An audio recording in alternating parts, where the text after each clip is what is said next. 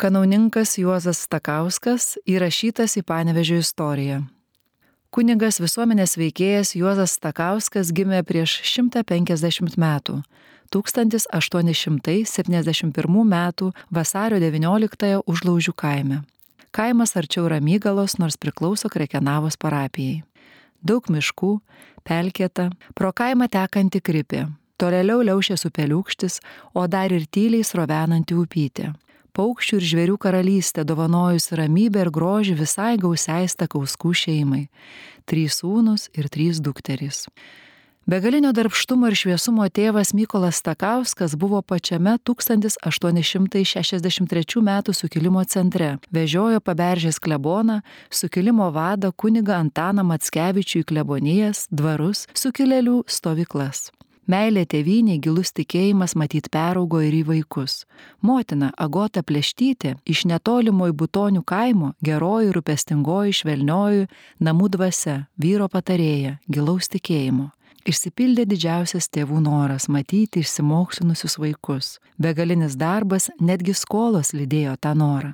Į kunigus išeis du - Juozas ir Pranciškus. Sesuo Ona ištekėjusi už knygnešio, Ramygalos bažnytinės brolyjos pirmininko Jono Račiūno užaugins tris sūnus - Lietuvos savanorius. Paskui laisvai tėvynė jo dovanos savo talentus ir darbus. Kilnioji Salomėja, brolio kunigo Juozo išleista į mokslus mokytoja, atkuriamojo Seimo narė, ilgus metus tarnavusi panevežiečiams, mokė, glaudė, kūrė, šelpė, globojo. Tarnyste grįstas kunigo kanauninko vienuolio Juozo Stakausko visas gyvenimas - galingi darbai ir bažnyčiai, ir žmonėms, ir Lietuvos valstybės kūrimui. Ir begalinis kuklumas kalbant apie save.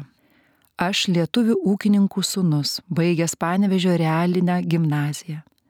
Kauno kunigų seminariją ir dvasinę Petrapilio akademiją švento teologijos magistro laipsnių ėjau įvairias kunigo pareigas. Buvau Kauno katedros vikaru ir tuo pačiu laiku mergaičių gimnazijos kapelionu, vėliau Kauno kunigų seminarijos profesoriumi Liepojos dviejų gimnazijų kapelionu, Panevežio klebonu ir dekanu. Per didįjį karą 13 mėnesių buvau žemaičių vyskupų generalvikaru ir valdžiau viskupiją. Perkeltas į garbės kanauninkus, buvau seserų benedektinių vienolyno kapelionų ir kurijos notarų bei teisėjų. Pagaliau įstojęs į kunigų Marijonų kongregaciją, buvau Marijampolės vikaru ir klebonu. Šalia tiesioginių kunigo pareigų dirbau katalikiškose organizacijose - Blaivybės, Saulės, Žiburio, Švento Vincento ir Paulo, darbininkų moterų pavasario Švento Kazimiero ir kitose. Augau ir brendau tarp bočių atsiminimų iš Lenkų bei Lietuvių sukilimų prieš rusus ir iš baudžiavos laikų.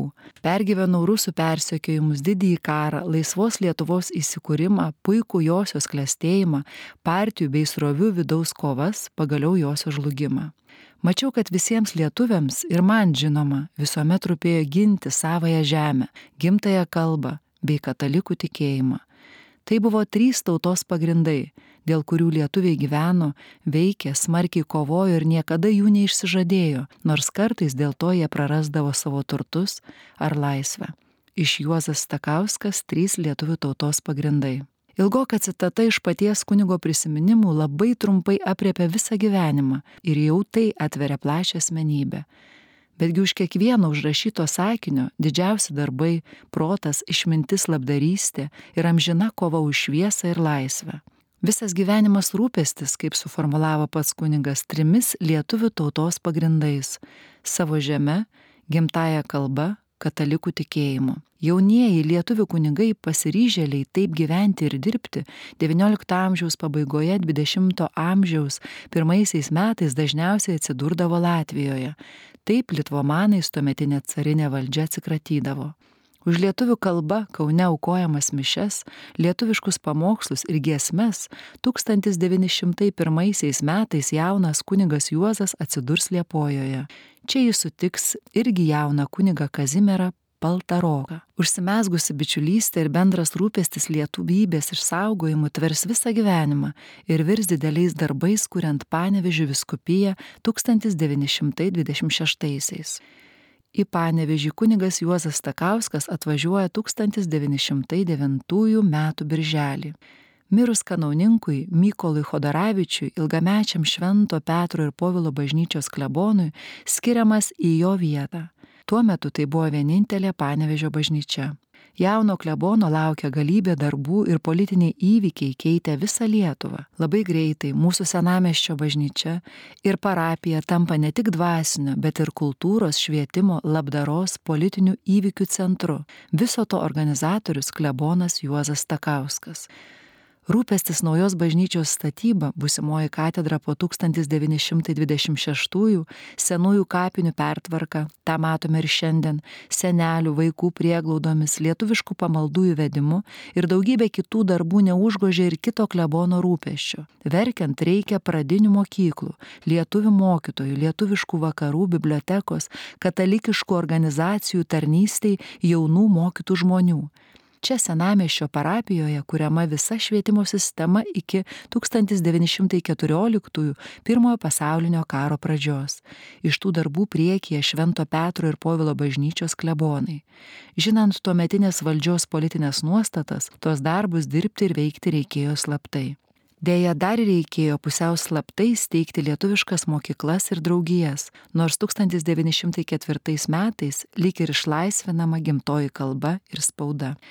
Tik 1906 metais rusų valdžia pradeda leisti kurtis kultūros švietimo draugijoms, profesinėms sąjungoms ir kitoms organizacijoms. Ta itin sunku ir vis dar represuojama darbą pradeda konfesinė inteligentyja. Pirmoji Žiburio draugija įsteigta Marijampolėje 1906 metais gegužės 15 dieną, o birželio 25-ąją patvirtinti katalikiškos švietimo draugijos Saulės įstatai. Saulės draugijos veikia Kauno gubernijoje, jai priklausė ir panevežys. Saulės draugijos panevežyje skyriui vadovavo kunigas klebonas Juozas Takauskas, Užtat rūpestis dar aktoriais, slaptais mokytojų kursais, pradžios mokyklomis, besistengiančiomis kultūros draugijomis guli ant kunigo pečių. Ir ne tik steigti, bet ir išlaikyti šiek tiek mokėti mokytojams, suteikti galimybę vaikams mokytis už dyką, rasti vadovėlių, mokymosi priemonių, pinigų knygoms, steigiamai bibliotekai, išlaikyti vaikų ir senelių prieglaudas, pagaliau sugebėti išreikalauti iš tuometinės centrinės valdžios šiek tiek laisvės lietuvybei, rasti taikę bendrystę bendrystę su Lenkais, kitų tautybių žmonėmis, tuomečiais panevežio gyventojais. Iki 1914-ųjų karo klebono Juozo Stakausko pastangomis įsteigta labai sėkmingai veikusi blaivybės draugija, išgražinta bažnyčia. Saulės mokytojų kursų parengti mokytojai patys jau steigė pradžios mokyklas mūsų apylinkėse. Pradėta piligrimystė, pėsčiomis į žolinę krekenavon, su jaunimu į Vilnių, nors ir lenkiška, dainų vakarai, puikaus vargonininko Vlado Paulausko vedami, įvairiausia labdarystė, pagalba šventos Zitos draugijai, besirūpinančiai tarnaičių gyvenimu ir likimais, pagaliau išaugusi pareigų našta ne tik lebonas, bet ir panevežio dekanas. Pirmasis pasaulinis karas. Trumpa citata iš Juozo Stakausko atsiminimų. Nėra ko kalbėti apie vargus karo metu. Visi reikalai spėtėsi apie mane. Ir bažnyčios tarnai, prieglaudų vedėjai, saulės kursų ir gimnazijos direktoriai, šeimos nariai, pavargėliai, iš toli atvykę kunigai, parapijų atstovai ir vokiečiai su savo reikalavimais. Ne vienos laisvos valandėlės, nei poteriams ramiai sukalbėti, nei pavalgyti. Ir kojos pavargo, gavau gyslų išsiplėtimą, net nervų uždegimą, iš Juozas Stakauskas trys lietuvių tautos pagrindai. Upytės šventoriuje ir atguls 1944 kuningas Juozas Stakauskas. Čia ramu ir šviesu. Pro šventorių čia pats ruveno upytės upeliukas, kaip kūdikystėje jį prateka ir pro užlaužių kaimą. Geros valios vedini mes visada turime galimybę užsukti į upytę šventorių gėlės žiedą ir amžinai atilsi jam. Nuotraukoje kuningas visuomenės veikėjas Juozas Takauskas 20-ojo amžiaus antrajame dešimtmetyje Panevežio apskrities Gabrielės Petkevičaitės bitės viešoji biblioteka, pavienių rankraščių fondas F8. Albina Saladūnaitė. Tekstą skaitė aktorė Ugnė Žirgulė.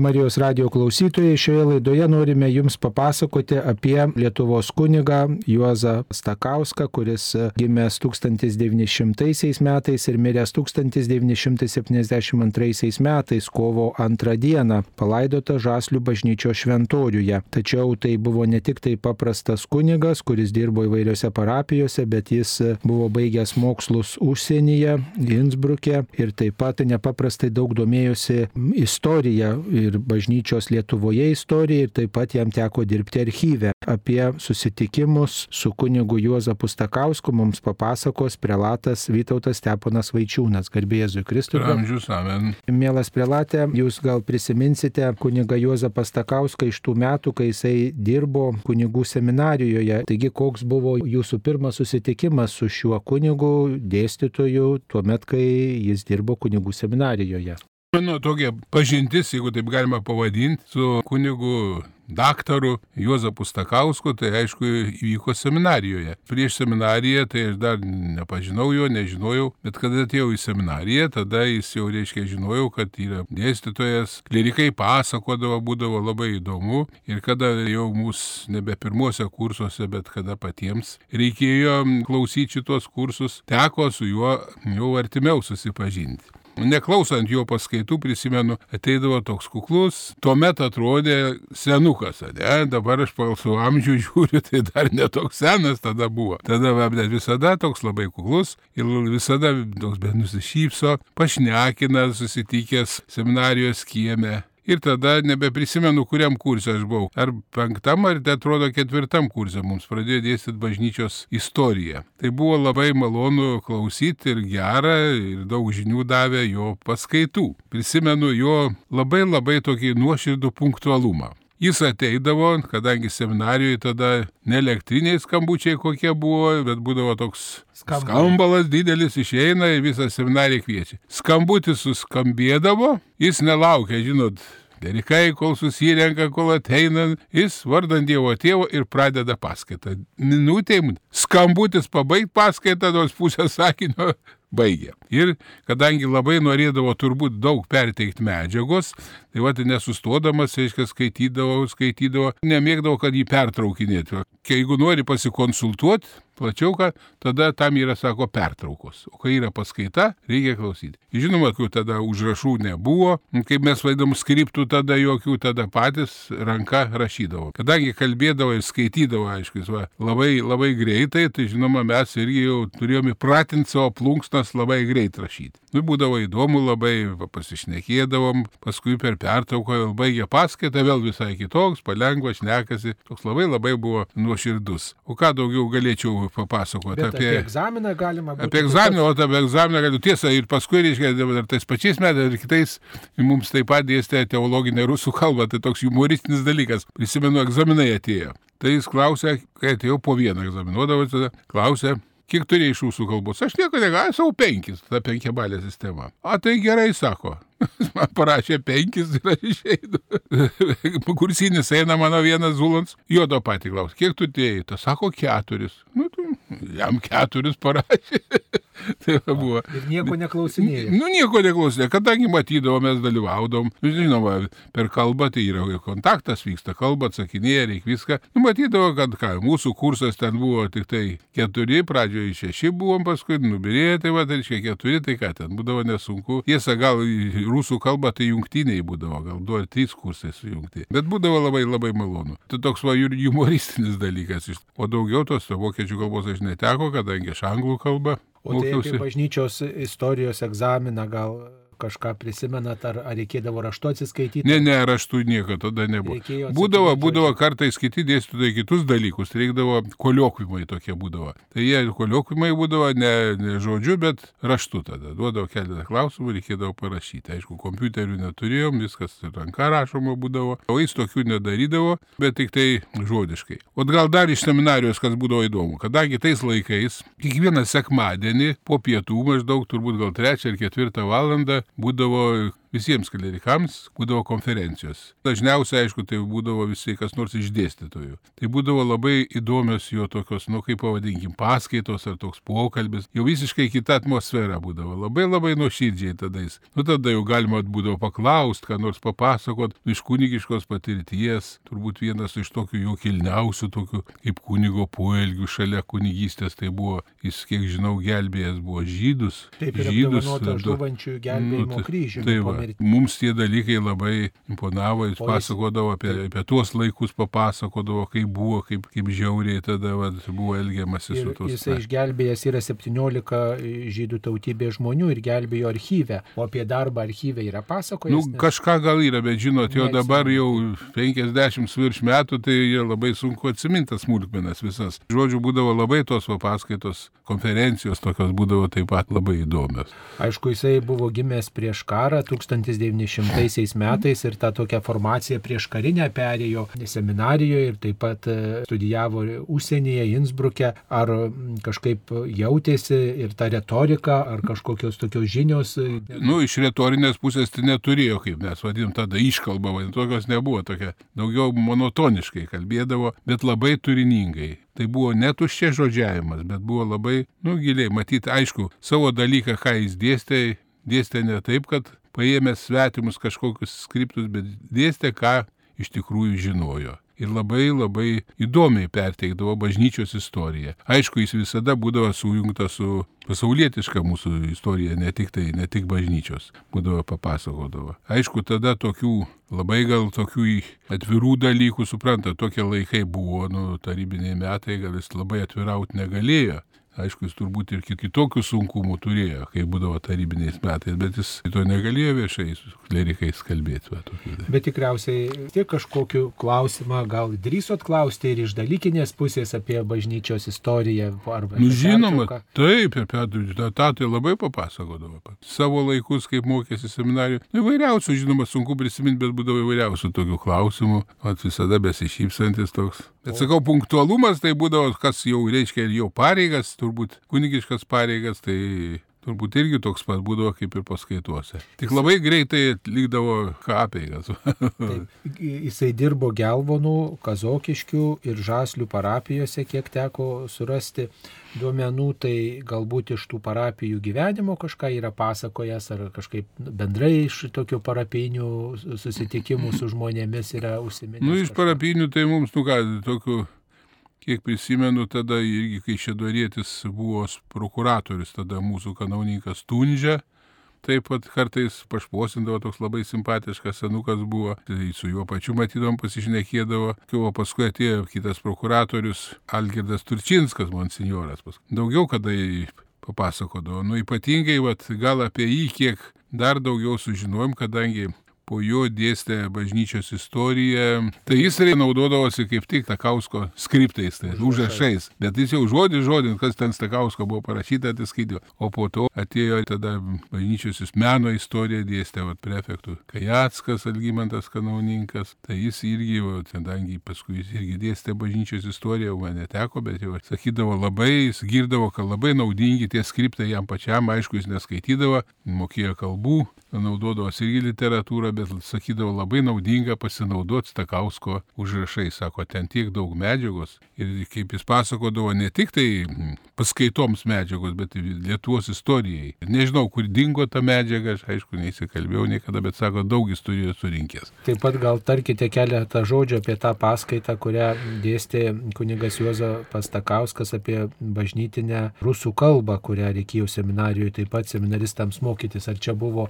kažkoks e, tarybinės valdžios, sovietų valdžios tam tikras spaudimas, kad turi būti rusų kalba? Ne, čia jis netokia rusų. Rusų kalbą mes atėjome iš mokyklos neblogiau mokėdami kaip ir lietuvių kalbą. Labai mus nuo antros klasės jau pradėjo mokyti į rusų kalbą. Ne tą, bet specialiai, kadangi buvo taip pat kalbama apie ekumeninį judėjimą, apie santykius. Mokėti kalbą yra vienas dalykas, bet religinė terminologija visai yra kita. Pavyzdžiui, komunija, pričiastija. Pričiastija, ten nu, visai ten tie žodžiai. Tai va tai jau specialiai buvo, čia jokios valdžios buvo seminarijos įvesta, kad mes mokėtum, kadangi nais laikais ateidavo žmonės ir rusiškai išpažinties būdavo. Ypatingai Vilnius krašte, kas dirbdavo, tai man pačiam yra per rekolekcijas tekę būti. Tai reiškia, keturiom kalbom reikėdavo iš klausyklos įdėti. Lietuviškai ateina, išmokėjau lenkiškai ateina, belarusiškai ateina ir dar ukrainietiškai ateidavo. Būdavo į tokių. Bet tos kalbos slaviškos panašios suprasdom. Tai o, o ta terminologija, kad žinot, vad sako, ateities išeisit, žinot, tai būdavo dėstoma. Tai va tokia buvo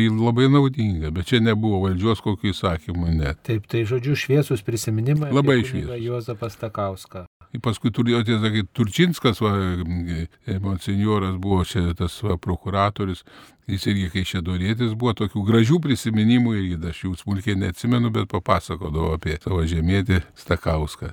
Taip jisai palaidota Žaslių bažnyčio šventoriuje, jau buvo, minėjote, kad buvote kunigas, kai mirė e, kunigas Juozapas Stakauskas, jau jūs vienerius metus buvote. Taip, aš tada prisikėlimo mažoji bazindėlį vikaras buvau, bet jo laidotuose neteko dalyvauti. Tada kunigų tada buvo dar daug Lietuvo virš 800 ir metų prisimenu vienais metais 24 kunigai mirė per metus Lietuvoje, tų kunigų daug laidotų. Tai aišku, prastai dalyvaudavom savo viskupijos daugiausia, kadangi užimti buvom, buvo darbo labai daug savose parapijose, ten nuvykti man neteko. Ačiū, prelatė, kad jūs prisiminėt kuniką Jozapą Stakauską, apie kurį toliau šioje laidoje turėsime progos dar pasiklausyti. Istorijos puslapiai. Daktaras Juozas Statkauskas. Katalikybės vaidmuo Lietuvoje. Katalikybė - Lietuvos jungėja su vakarų kultūra. Katalikybė, primama lietuvių tautos, jau turėjo labai didelę ir turiningą praeitį.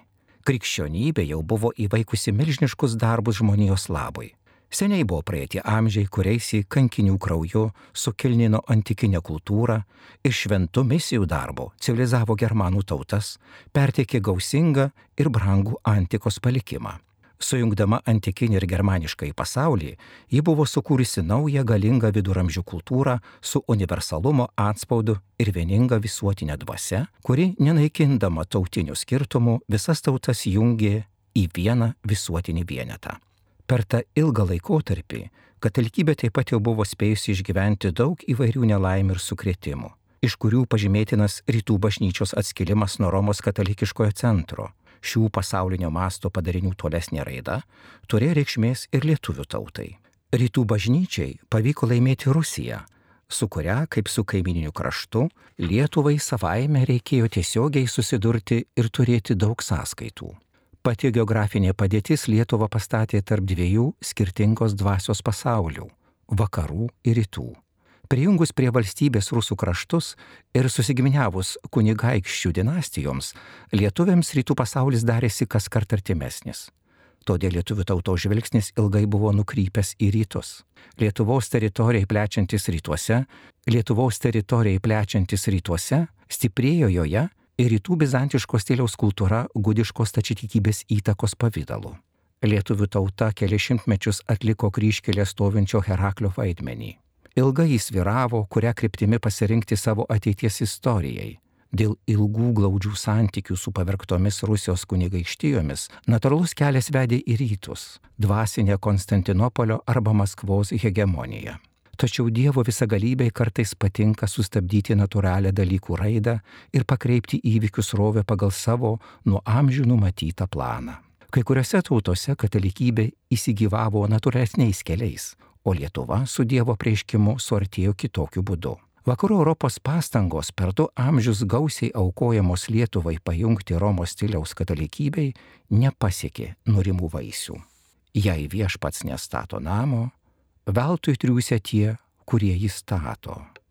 Dievo apvaizda be abejo dėl to nelaimino vakarų veiksmų ir neleido jiems apsivainikuoti gražios sėkmės vainiku, kad jie savo griežtais prieštaravimais krikščionybės dėsniams per ilgai profanavo krikščioniškos misijos idėją.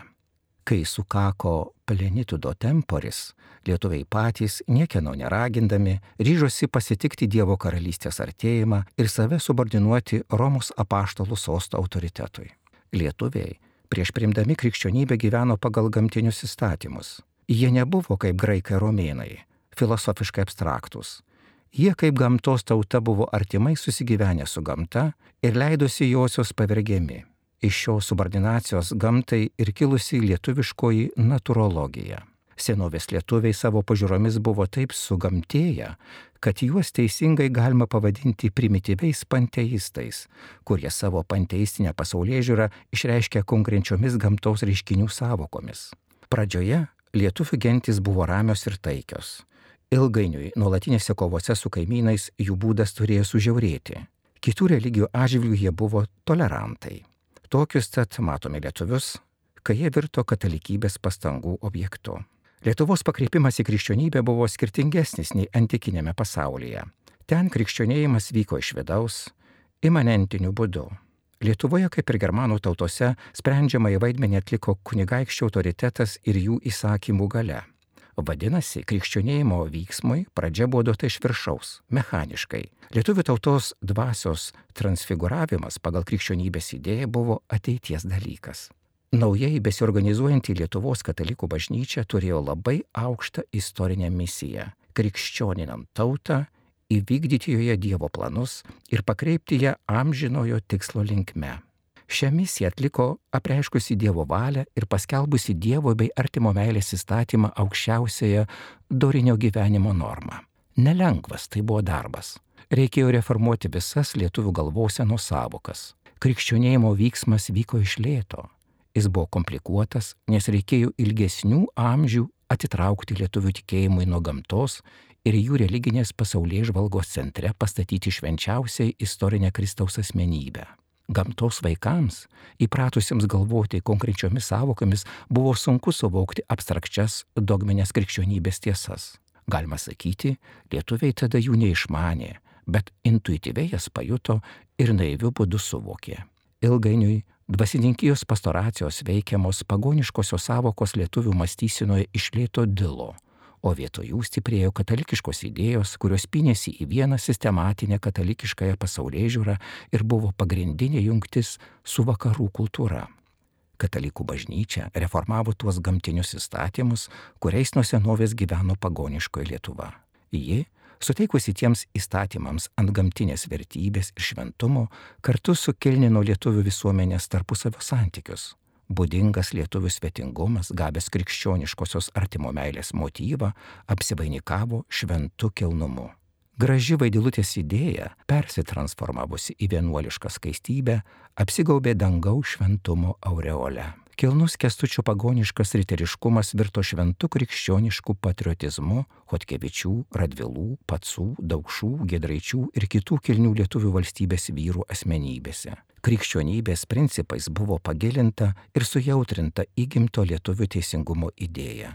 Žymė gyvenimo sritį, kuri kitados tvarkėsi pagal gamtos dėsnius, ėmėsi norminti pagal bažnytinės teisės kanonus. Pasaulietinės institucijos iš jos buvo gavusios šventumo savo sankcijoms.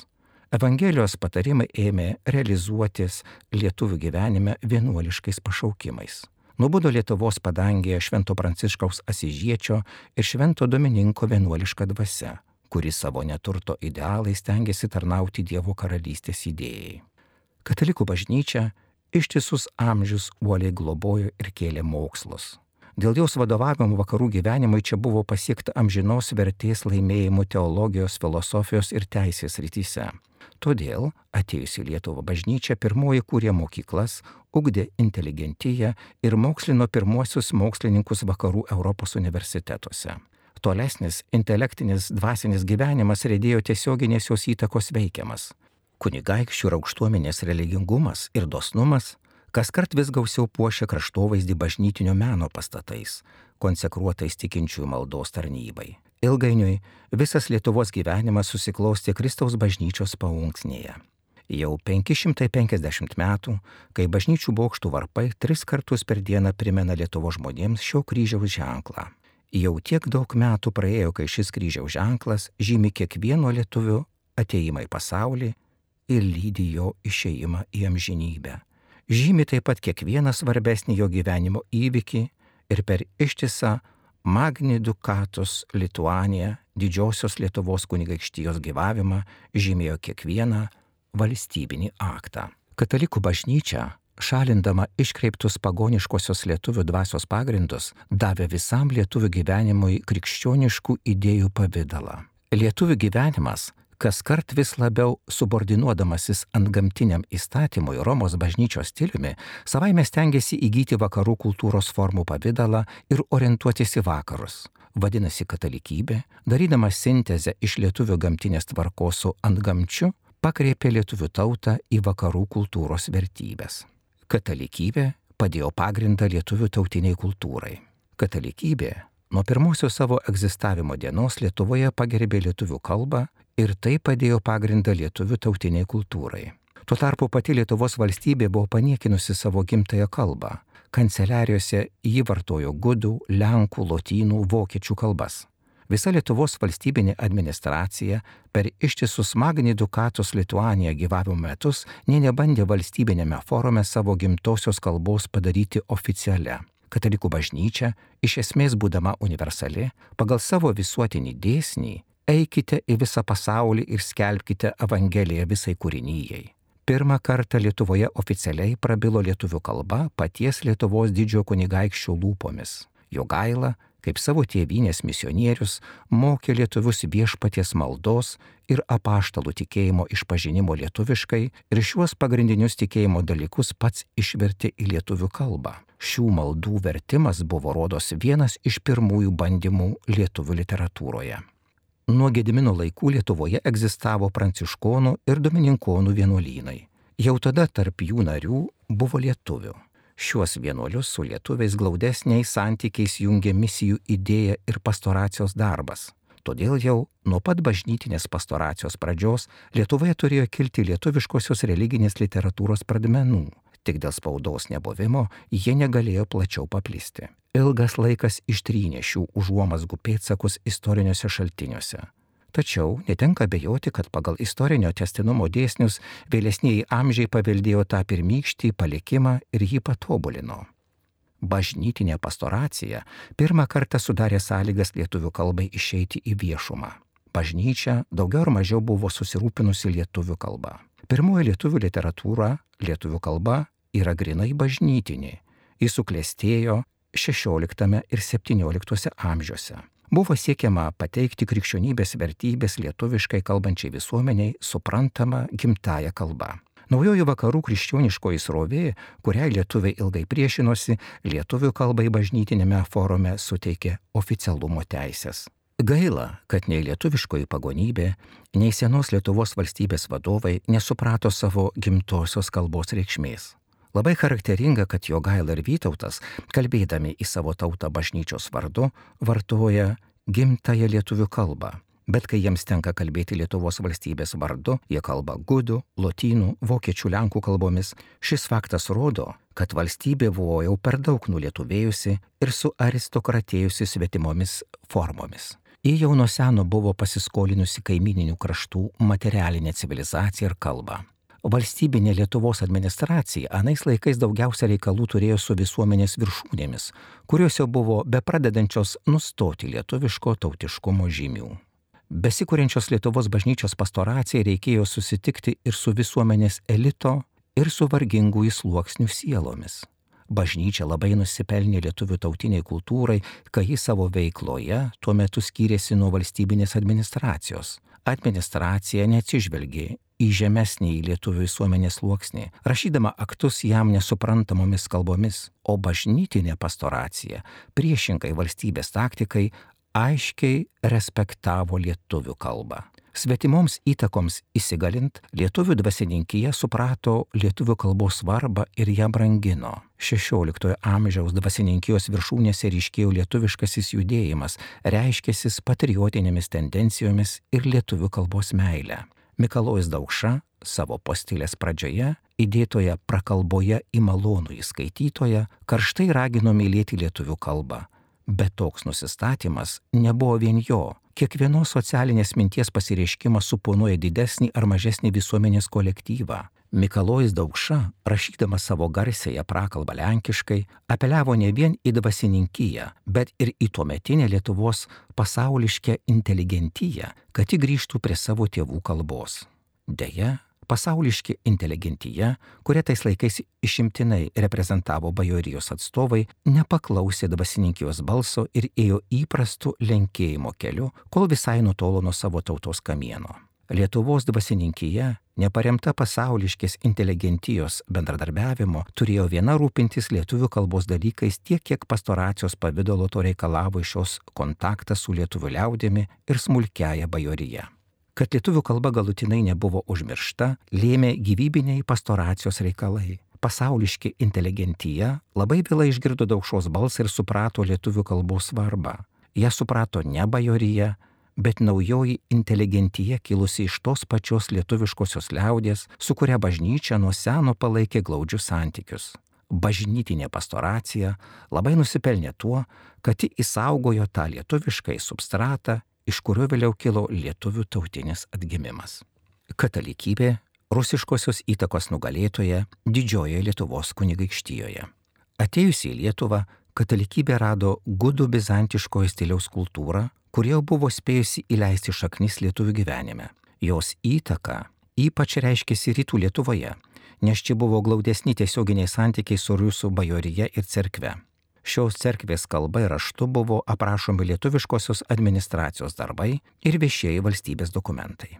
Susidūrus dviem priešingos prigimties rovėms, prasidėjo kova. Katalikybė prieš gudiškąją stačiatikybę įkinkė į darbą lotynų kalbą lenkišką gyvenimo stilių ir Lietuvos didžiojo kunigaikščio politiką. Šių įtakų grumimasis truko du amžius. Paunijiniais laikais rytinė Lietuvos valstybės riba traukėsi atgal į vakarus, mažindama valstybės periferiją. Mažėjant teritorijai Lietuvoje stiprėjo romaniškojo stiliaus kultūra, sklidusi kartu su Lenkų kultūros įtaka. Ilgai užtrukusi kova tarp rytų ir vakarų srovių buvo dviem atžvilgiais naudinga lietuviškajam pradui. Toji kova užkirto kelią plėsti stačiatikybės įtakai ir jai galutinai suvirškinti lietuvybę. Kita vertus, ji taip pat ilgai trukdė greitai prigyti iš vakarų nešamoms Lenkijos kultūros formoms. Šių radikaliai priešingų srovių tarpusavio trintis ilgai neutralizavo vieną antrą ir neleido lietuviams galutinai pasiduoti vienai kuriai nors įtakai katalikybė, uždegusi tą kultūrinių krypčių kovą, kartu su pastoracija padėjo lietuvių tautinės kultūros pradus. Katalikų bažnyčiai tenka pripažinti didelį nuopelną, kad ji ne tik laimėjo šią kovą, bet ir nenutraukė santykių su lietuviškojų kamienu liaudimi. Iš bažnytinės pastoracijos užmėgstų ir palaikomų santykių su lietuvių liaudimi ir kilo pirmoji lietuvių kultūra, kurios turinys buvo pagristas religinėmis nuostatomis dorinė gyvenimo filosofija, o jos forma lietuviškomis vertybėmis. Visada buvo gyva bažnytinė liaudiška kultūra, gaivinama religinių uolumo ir pasišventimo. Tiesa, ne visais laikais ji buvo vienodai stipri, tačiau niekada neužgeso. Katalikų bažnyčia visą laiką buvo artima Lietuvos valstybės bendradarbė politinėme gyvenime. Savo įtaką ir autoritetu jį dažnai duodavo toną visuomeniniam gyvenimui. Visais Lietuvos valstybės nepriklausomybės gyvavimo amžiams su valstybė jį dalyjosi ir laimę, ir nelaimę. Žlugus Lietuvos valstybei per padalėjimus, Katalikų bažnyčia buvo vienintelė institucija, kuri atstovavo lietuvių tautai Rusijos nutautinimo priespaudos akivaizdoje. Tais žiauriais persiekimo laikais apvaizda pavedė Lietuvą globoti Katalikų bažnyčiai. Bažnyčia šią sunkę užduotį atliko šventai ir didvyriškai Lietuvių tautinėme atgimime jai teko lemtingas vaidmuo. Dėl rusinimo politikos pasauliečiai lietuviai inteligentai, negalėdami gauti vietos savo tėvynėje, įsiblaškė po visą Rusiją. Tik dvasininkija buvo be maž vienintelė inteligentinė pajėga savo krašte. Katalikų bažnyčia 40 metų ištvermingai kovojo dėl maldaknygės katalikiškumo ir lietuviškumo, dėl lietuvių teisų mokykloje ir bažnytinėme gyvenime, dėl šventos lietuviškos šeimos ir apskritai viso lietuvių gyvenimo katalikiško pobūdžio. Taigi, katalikų bažnyčia buvo apglobusi lietuvių tautą tvirtais moralinės galybės šarvais, į kuriuos sudužo visa milžiniško rusų imperializmo ukazų fizinė galybė. Jeigu šiandien ant Lietuvos bažnyčių bokštų išlikęs katalikiškasis kryžius, o bažnyčiose ir Lietuvos valstybės forume skamba lietuvių kalba, tai nuopelnas tos sunkios ilgametės kovos, kurios visus sunkumus teko pakelti katalikų dvasininkijai. Katalikybė visais sunkiais amžiais jungė ją į vieną tautinį vienetą ir virto jos vieningumo simboliu. Publikuota Tiesos kelias 1939 metais.